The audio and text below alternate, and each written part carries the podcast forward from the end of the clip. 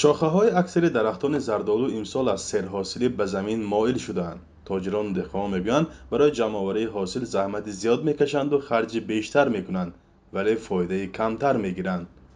ман фарзон муҳаммадӣ тафсилоти ин гузоришро бароятон пешниҳод хоҳам кард низомиддин маҳкамов тоҷири зардолу мегӯяд ҳ компоти аҳми як сон якуним сон сар мешавад як якуним ман дилиги бозоранда якпоякунимкампотпасашда бо баланда мумкин компоти баланд барои бозор таё кардан барои магазин ба таё кардан мумкин як ду дунима бошаду ранг дорашда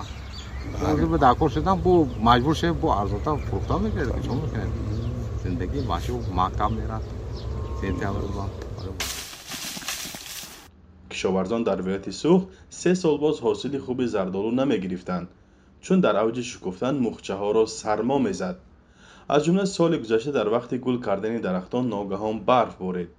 امسال هوا گرم آمد و امید داشتند که با حاصل خوب زیان چند ساله را جبران بکنند اما از یک طرف حاصل زیاد نرخ را در داخل پایین آورد و از سوی دیگر بسته ماندن مرز تاجیکستان و قرقیزستان بازار را سست کرده است تا سال 2021 و بسته شدن مرز از طرف قرقیزستان بخش اساسی دسترنج دهقانان به واسطه ولایت بادکند قرقیزستان به دیگر کشورها به خصوص به روسیه انتقال می‌یافت اما حالا راه دهقانان و تاجران برای صادرات زردالو دورتر شده است بر علاوه این تاجران تاثیر ادامه جنگ روسیه را در اوکراین یادآور می‌شوند غفران شرافوف تاجر دیگر می‌گوید.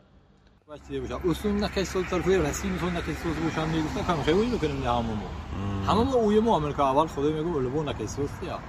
طرف ترسی رسی بسور نگرفت که بخورم ایران برای ایران ایران بیاد هم که بو میدی مادی هستم اما نیسته